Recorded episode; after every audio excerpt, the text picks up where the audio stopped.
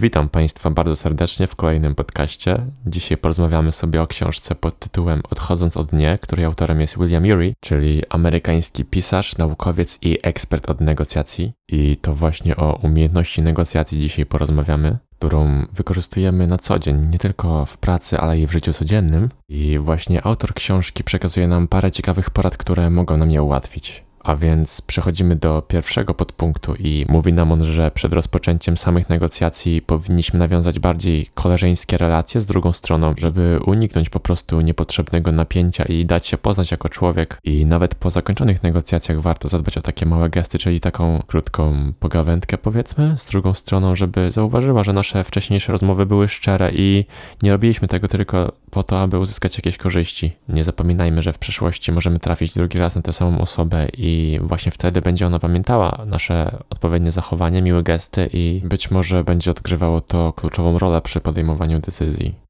Ok, przejdźmy teraz do oficjalnego rozpoczęcia negocjacji, czyli przełamania pierwszych lodów i dobrym sposobem na to będzie rozpoczęcie od kwestii, w których wiesz, że łatwo się zgodzicie i obędzie się bez niepotrzebnych spięć. Po prostu zacznij bardzo ogólnie i zadawaj pytania, na które wierzysz, że odpowiedź jest zgodna z przekonaniami drugiej strony. Znacznie rozluźni to sytuację i druga strona poczuje, że nadajecie na tych samych falach. Musisz po prostu sprawić, żeby druga strona uznała, że sama doszła do jakiegoś wniosku i nic na niej nie wymusiłeś, czyli po prostu dana myśl musi wyjść od nich samych. I autor kieruje do nas takie słowa, cytuję: Nie ignoruj odczuć drugiej strony. Jeżeli nie rozbroisz ich emocji, twoja racjonalna argumentacja będzie trafiać w próżnię.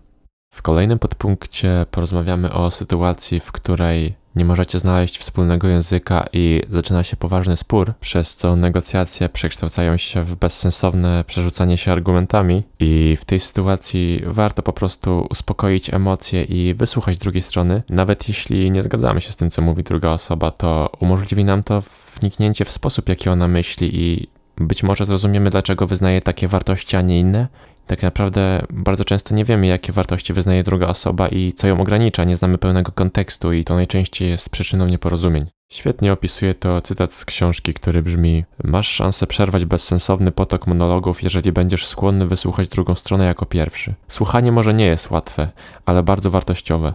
Okej, okay, teraz załóżmy, że trafiliśmy na powiedzmy agresywnego negocjatora i pomimo tego, że wysłuchaliśmy go, on wciąż nas atakuje, że tak powiem. Mamy tutaj dwie opcje. Pierwsza, czyli opuścić po prostu negocjacje z taką osobą i się z nią pożegnać aczkolwiek często nie mamy takiego wyjścia i zależy nam na dopięciu jakiejś umowy, wtedy musimy troszkę inaczej zadziałać, czyli przyjąć bardziej zdecydowaną postawę i dosadnie pokazać takiej osobie, że agresywne negocjacje po prostu nie robią na nas wrażenia i nie ulegniemy pod ich wpływem. Nie możemy pokazać takiej osobie, że udało się jej zdominować spotkanie i to teraz ona dyktuje warunki. Powinniśmy powstrzymać takie natychmiastowe odpowiedzi pod wpływem negatywnych emocji, bo zazwyczaj źle się to kończy i nie myślimy wtedy racjonalnie i prawdopodobnie powiemy coś, czego będziemy żałować. Autor daje taką ciekawą radę, która brzmi: Gdy jesteś zły, policz do 10, zanim coś powiesz. Gdy jesteś bardzo zły, policz do 100.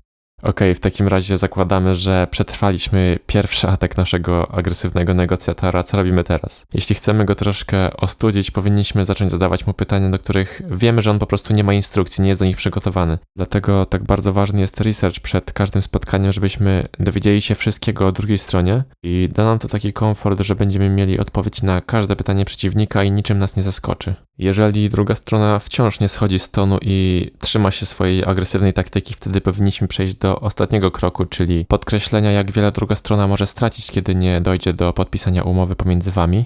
Po prostu daj im do zrozumienia, że mogą wiele zyskać albo wiele stracić. Kiedy negocjacje wchodzą na wyższe obroty, warto mieć wtedy przy sobie notatnik, który jest bardzo fajnym trikiem i chodzi o to, że sporządzając notatki masz dodatkową chwilę na to, żeby się namyślić i po prostu wykorzystać ten czas, żeby opracować jakąś nową strategię na przeciwnika. Na koniec chciałbym przytoczyć bardzo fajny cytat autora, który brzmi: Nie podejmuj natychmiast istotnych decyzji. Obecność drugiej osoby stwarza silną presję psychiczną. Negocjacje nie muszą kończyć się w ciągu jednego spotkania. Tylko ty możesz zrobić ustępstwo, którego będziesz później żałował. Po każdym spotkaniu oceń postępy negocjacji, ustal nową strategię i przygotuj się ponownie. Tym samym chciałbym zakończyć dzisiejszy podcast. Jeśli był dla Ciebie wartościowy, to zachęcam do udostępnienia go znajomym i do usłyszenia następnym razem.